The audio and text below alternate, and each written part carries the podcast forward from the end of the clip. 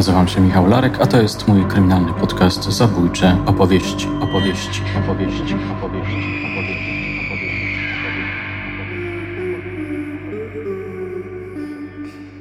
Psychoza.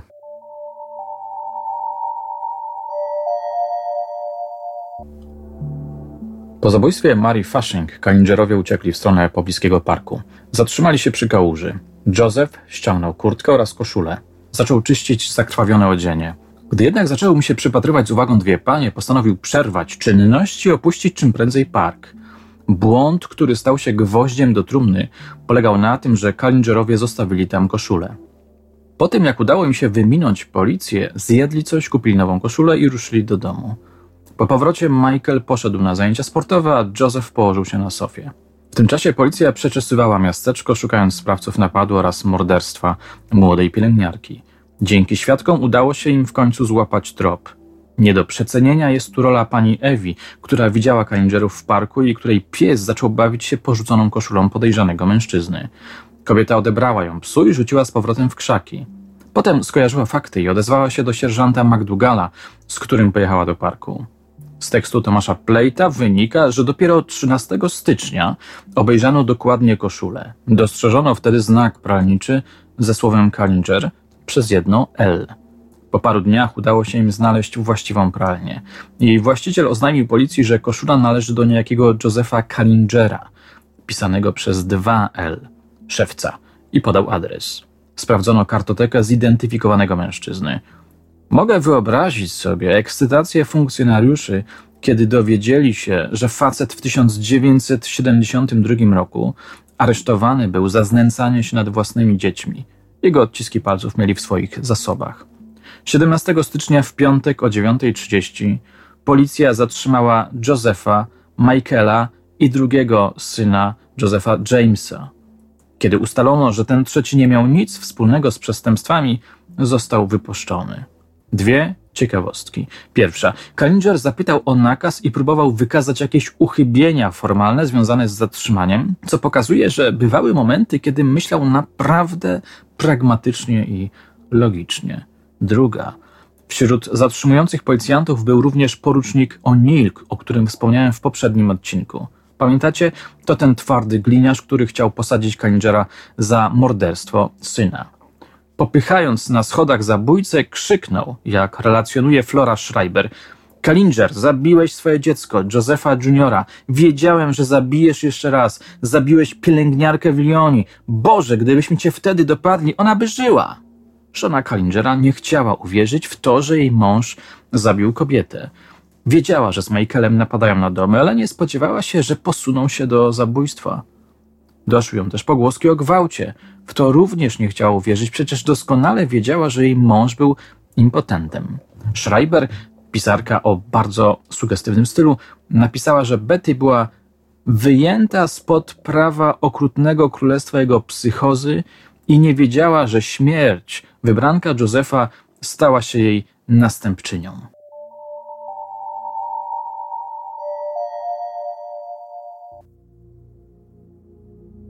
Flora Schreiber zaczęła odwiedzać Josepha Kalingera w więzieniu w 1976 roku.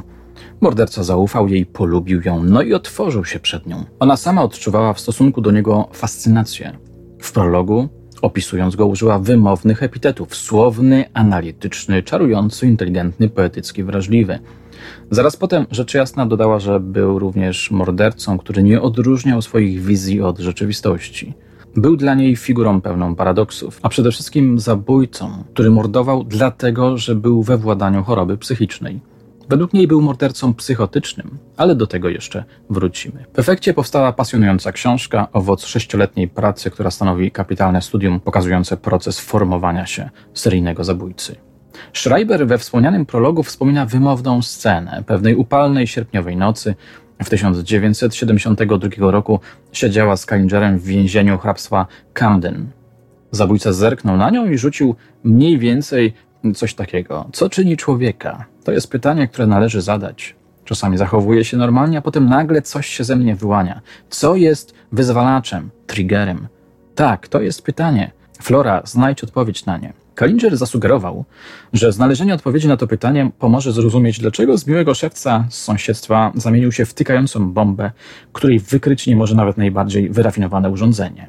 Znalazłam ten wyzwalacz, napisała Flora Schreiber. To było dzieciństwo, podczas którego Kalingera poddano skrajnej deprywacji emocjonalnej.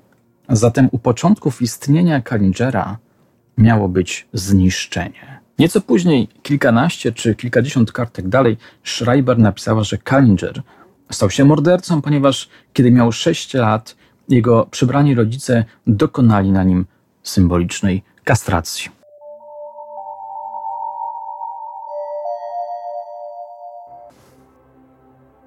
Zacznijmy od początku. Joseph Kalinger urodził się w 1935 roku w Filadelfii jako syn Josepha Lee Brennera i jego żony Judith. Nie była to pomyślna okoliczność. Już u zarania jego istnienia okazało się, że los rozdał mu słabe karty. Kiedy ojciec porzucił jego matkę, ta oddała go do opieki zastępczej. Trafił na listę adopcyjną. Kiedy miał dwa lata, został adoptowany przez Annę i Stevena Kalingerów, austriackich imigrantów. Na moment pojawiła się wtedy jego biologiczna matka, domagając się pieniędzy za syna, ale niczego nie wskurała i przepadła. Zamieszkanie u Kalingerów stało się przepustką do piekła. Oni nie chcieli dziecka, syna. Oni chcieli darmowego pracownika, który w przyszłości przejmie od nich zakład szewski. W związku z tym mały Joseph był traktowany przez nich jak pozbawiona człowieczeństwa istota, którą trzeba odpowiednio przysposobić do zawodu. Przysposobić, czy też wytresować, albo zaprogramować. Poskąpili mu wszystkiego, czego go potrzebuje człowiek do prawidłowego rozwoju, szczególnie ten mały, dopiero się kształtujący, uczący się świata, innych, samego siebie. Odmówiono mu miłości rodzicielskiej, ciepła domowego ogniska. Straszono często, że zostanie odesłany z powrotem do sierocińca. Wmawiano, że jest złym dzieckiem. Piętnowano przejawy zwykłej dziecięcej ciekawości. Zakazano normalnych kontaktów z rówieśnikami. Zasugerowano, że radość wynikająca z zabaw jest czymś nagannym, beznadziejnie głupim. No i przede wszystkim zaserwowano solidną dawkę przemocy fizycznej, o psychicznej właściwej już wspomniałem. Joseph był bity z sadystyczną zawziętością. W opracowaniach często przewija się informacja, że matka uderzyła go młotkiem w głowę, gdy chciał pójść z dziećmi do zoo. Później, kiedy na skutek tych wszystkich traumatycznych przeżyć zacznie odreagowywać swoje krzywdy i na przykład coś ukradnie, rodzice będą przypalać mu palce, żeby wypędzić w ten sposób demona. Ale ta przemocowa pedagogika przybranych rodziców odniesie oczywiście odwrotny skutek. Skrzywdzi go, pogłębi poczucie alienacji, naznaczy przemocą i, jak mi się zdaje, zaszczepi w nim magiczne widzenie rzeczywistości. Tutaj pora wrócić do sceny symbolicznej kastracji, o której wspomniałem. Kiedy sześcioletni Joseph wrócił ze szpitala po operacji przepukliny, rodzice odegrali kuriozalną, właśnie magiczną, ale i opłakaną w skutkach scenę. Miała to być reakcja na pojawiające się zainteresowania typowe przecież dla dzieci sprawami płciowymi. Otóż Kalingerowie wymówili mu, że doktor w szpitalu tak naprawdę przeprowadził dwie operacje. Usunął przepuklinę oraz wypędził demona z jego małego ptaszka. Tak nazywali penisa. Ten demon, który pracuje dla diabła, nie dla Jezusa, sprawia, że penis twardnieje i chce się nim robić różne złe rzeczy. Dzięki operacji jego penis już nigdy nie stwardnieje, zawsze będzie mały. Słowo mały przybrana matka miała wykrzyczeć parę razy. Według Schreiber konsekwencje tej sceny były mroczne, odrażające i tragiczne. Bazując na tej książce, przywołałbym jeszcze jedną scenę, niezwykle ważną dla procesu formowania się chorej osobowości Josefa. Ale najpierw zwrócę Waszą uwagę na nóż. On stanie się ważnym przedmiotem o niesłychanie istotnym znaczeniu symbolicznym. Zaznaczyłem to w poprzednim odcinku. Duży nóż z zieloną rączką, którym przybrany ojciec odkrawał podeszwy od naprawianych butów. Nóż, którym posłużył się lekarz w czasie operacji przepukliny i wypędzania demona z jego penisa. Joseph jako ośmioletni chłopiec padł ofiarą molestowania seksualnego. Działo się to w 1944 roku. Joseph w tamtych czasach bawił się przy zbiornikach na ropę. Lubił do nich wchodzić i rozmawiać z duchami. Wtedy mocno już wkraczał w alternatywny świat wyobraźni i halucynacji. Któregoś razu w środku takiego zbiornika natrafił na grupkę chłopców, którzy uprawiali seks grupowy. Gdy ci go zobaczyli, wciągnęli go do swojej zabawy. Położyli na ziemi. Któryś z nich przyłożył mu nóż do gardła, inny zaczął pieścić ustami jego penisa. Tej scenie towarzyszyła ogólna masturbacja. To doświadczenie łączące seks, według jego rodziców będący domeną diabła, z nożem, przemocą, która daje władzę nad innymi, utrwali się w nim i spowoduje, że seksualność Kalingera zostanie podszyta agresją. W końcu orgazm będzie możliwy tylko wtedy, gdy w dłoni będzie trzymał nóż, a jego oczy albo oczy wyobraźni stymulowane będą obrazami dźgania ludzkiego ciała. Jako trzynastolatek zrobi dziurę w ścianie, której będzie używał do stymulacji seksualnej. Bez noża nie podnieci się. Potem bez dźgania nożem pornograficznych zdjęć nie osiągnie satysfakcji. Któregoś razu, pobudzony przez wewnętrzne głosy, zaprowadzi pewnego chłopca nad strumień każe mu opuścić spodnie. Ostatecznie nic więcej mu nie zrobił, cieknie, ale będzie się zastanawiał, co by się stało, gdyby go zabił. Później jeszcze trzy razy przy użyciu noża steroryzuje inne dzieci. Za trzecim razem weźmie penisa przerażonego chłopca do ust, żeby, jak pisała Schreiber, odtworzyć scenę, która wydarzyła się przed laty w zbiorniku na ropę. Wewnętrzny głos, głos demona będzie namawiał go, żeby odgryzł penisa, ale nie zdecyduje się jednak na to. Te akty bardziej przemocowe niż seksualne, będą formą zemsty za wszystkie doznane upokorzenia. Później, w wieku dorosłym, borykając się niezmiennie z tymi dwoma wydarzeniami, powiedziałbym scenami założycielskimi, będzie marzył o zniszczeniu ludzkości poprzez zniszczenie ich narządów seksualnych. Według pisarki, dzieciństwo Kalingera dzieli się na dwa etapy.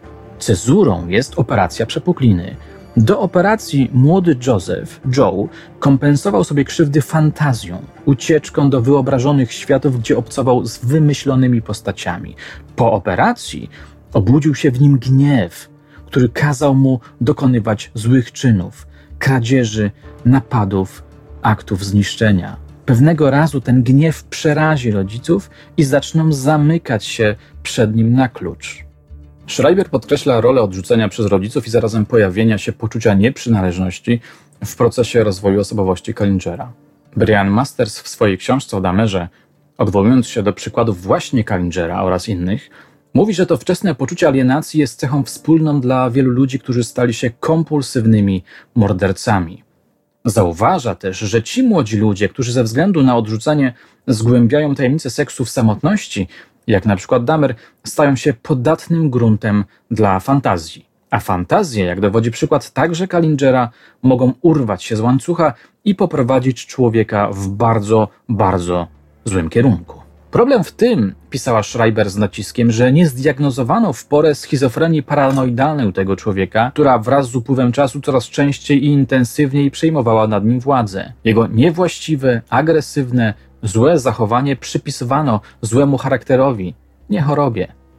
Rodzice karali go, nie leczyli. Kiedy w wieku 21 lat wylądował w szpitalu na skutek stresujących wydarzeń rodzinnych, rzuciła go pierwsza żona, zdiagnozowano u niego tylko psychopatologiczne zaburzenia nerwowe. A to była szansa na uratowanie go i innych ludzi. Wtedy jeszcze nie miał na koncie żadnego zabójstwa. A i potem, kiedy toczyły się jego procesy sądowe, Specjaliści toczyli dysputy, czy jest poczytalny, czy nie, czy udaje, czy nie, czy jest schizofrenikiem, czy cierpi na zaburzenia osobowości, nie będące jednak przy tym schizofrenią. Nawiasem mówiąc, ta dyskusja specjalistów, którzy radykalnie się między sobą różnili, diagnozując Kaningera, jest doprawdy druzgocąca.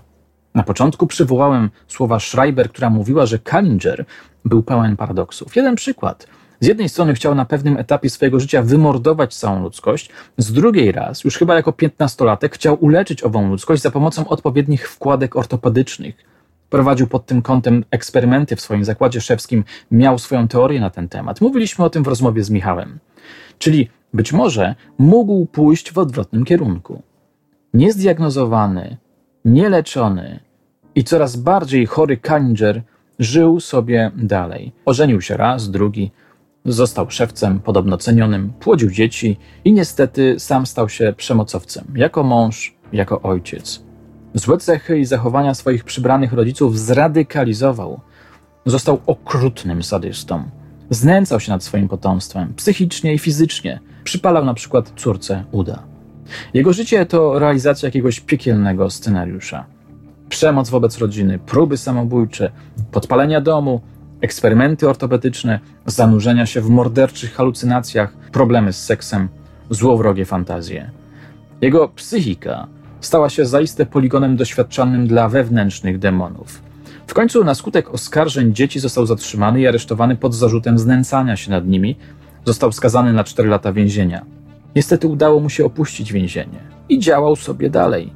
Mimo wszystkich swoich zaburzeń był inteligentnym, sprytnym, kreatywnym człowiekiem. Sprawił, że dzieci wycofały oskarżenia i oznajmił, że były one kłamliwe. Pomógł mu w tej operacji Michael. W końcu nadszedł 1974 rok, kiedy Joseph Kallinger, namawiany przez pozbawioną ciała głowę o imieniu Charlie do masakry ludzkości, złożył swojemu dwunastoletniemu synowi Michaelowi propozycję założenia przestępczej spółki. Gdy ruszyli do akcji, co omówiłem w poprzednim odcinku pod tytułem Szalony Szewc, Joseph Kallinger był przekonany, że działa na rozkaz Boga.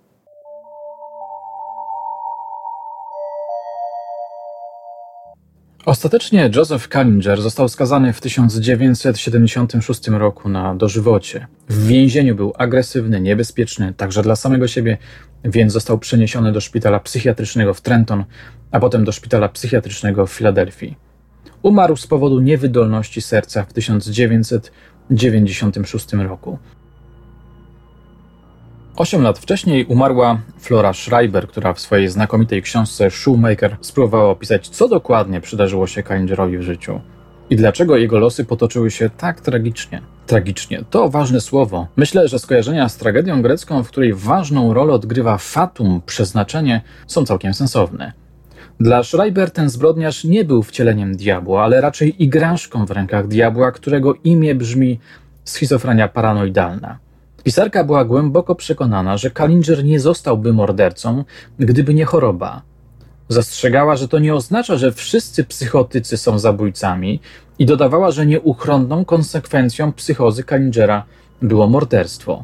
Według niej popełnione morderstwa miały miejsce w systemie urojeniowym i halucynacyjnym.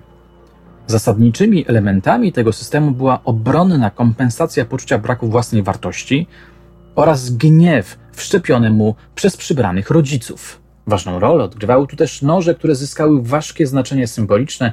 Nóż stał się symbolem seksu i władzy. To wszystko dowodziła Schreiber, doprowadziło do zaburzeń, do stanu psychozy, zaburzeń paranoidalnej.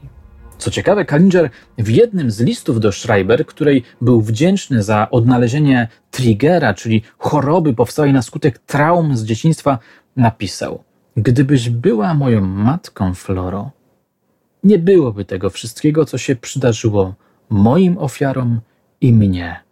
Wiem to. Wiem to. Ciekawostka. Flora Schreiber odnalazła biologiczną matkę Josepha Kallingera i doprowadziła do spotkania między nimi. Dla Kallingera, w którym cały czas żył mały chłopiec tęskniący za matczyną miłością, było to bardzo ważne.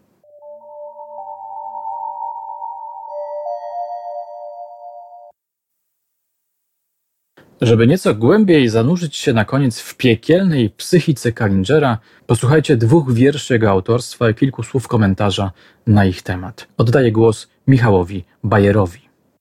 Poezja Kallingera jest na tyle interesująca, że jest ona idealnym odzwierciedleniem jego stanu umysłu, osobowości, wiary i przeżyć e, życiowych. Jest to poezja bardzo toporna, dość takim niezręcznym sposobem napisana. Jednak jest to jego jakby prawdziwe ja. Jeżeli porównamy poezję Denisa Nilsena przykładowo, to mamy tutaj przykład osoby, która jest bardziej wyedukowana, e, inaczej się posługuje językiem, jest w stanie stworzyć prozę wręcz e, bardzo interesującą, zawartą w tych poematach. Natomiast Kallinger pisze to, co jest w jego życiu jakby najbardziej krzywdzące czy bolesne najczęściej i często się skupiają właśnie tematy religijne lub e, osobistych krzywd doznanych w jego życiu.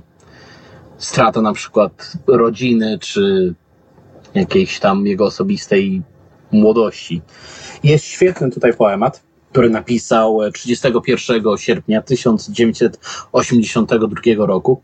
Downhill, czyli z górki. W dosłownym tłumaczeniu, w tym oczywiście znaczeniu oznacza to e, spadek jego życia. Kiedy żyłem na świecie, miałem siedmioro dzieci, żonę, swój własny biznes. Byliśmy dobrą rodziną. Aż pewnego razu nie wiadomo kiedy postradałem zmysły.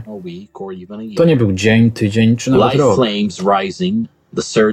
Wznosiły się płomienie życia, nadeszły fale, błagania, rozkazy od diabła, potem od Boga.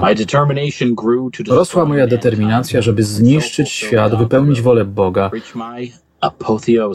osiągnąć chwałę i samemu stać się Bogiem. Trasa usiana była trupami, prawdziwymi i urojonymi. Pierwszą rzeczywistością był jeden z moich własnych synów. Potem zacząłem stopniowo schodzić w dół i przestaliśmy być dobrą rodziną tworzącą całość. W tym wierszu idealnie opisuje stratę kontaktu z rzeczywistością tak naprawdę i kontakt z swoją y, rodziną. Czy jest to rzeczywiście sposób jego tłumaczenia? Jego zachowania? Nie wiem. Trudno mi powiedzieć. I miał też bardzo fajny tutaj krótki poemat, który chcę przeczytać. The Shadow Stand. Jestem człowiekiem, którego cały cień jest tylko tak duży, jak jego głowa. Leży u moich stóp i działa jak podpórka, która mnie podtrzymuje. 28 sierpnia 1979 roku. Poezja Hemingera może nie skłania zbytnio do refleksji na temat, y, na temat języka czy prozy, jednak jest ona bardzo ważna, jeśli chodzi o odzwierciedlenie umysłu człowieka w ciężkiej psychozie. Moje drogie, moi drodzy, mam nadzieję, że ten odcinek, jak i dwa poprzednie, spodobały się Wam i skłoniły do przemyśleń nad ważnymi kwestiami dotyczącymi ludzkiej egzystencji, która bywa niekiedy niezwykle powikłana. Na dzisiaj to wszystko. Dziękuję Wam za uwagę. Do usłyszenia już niebawem.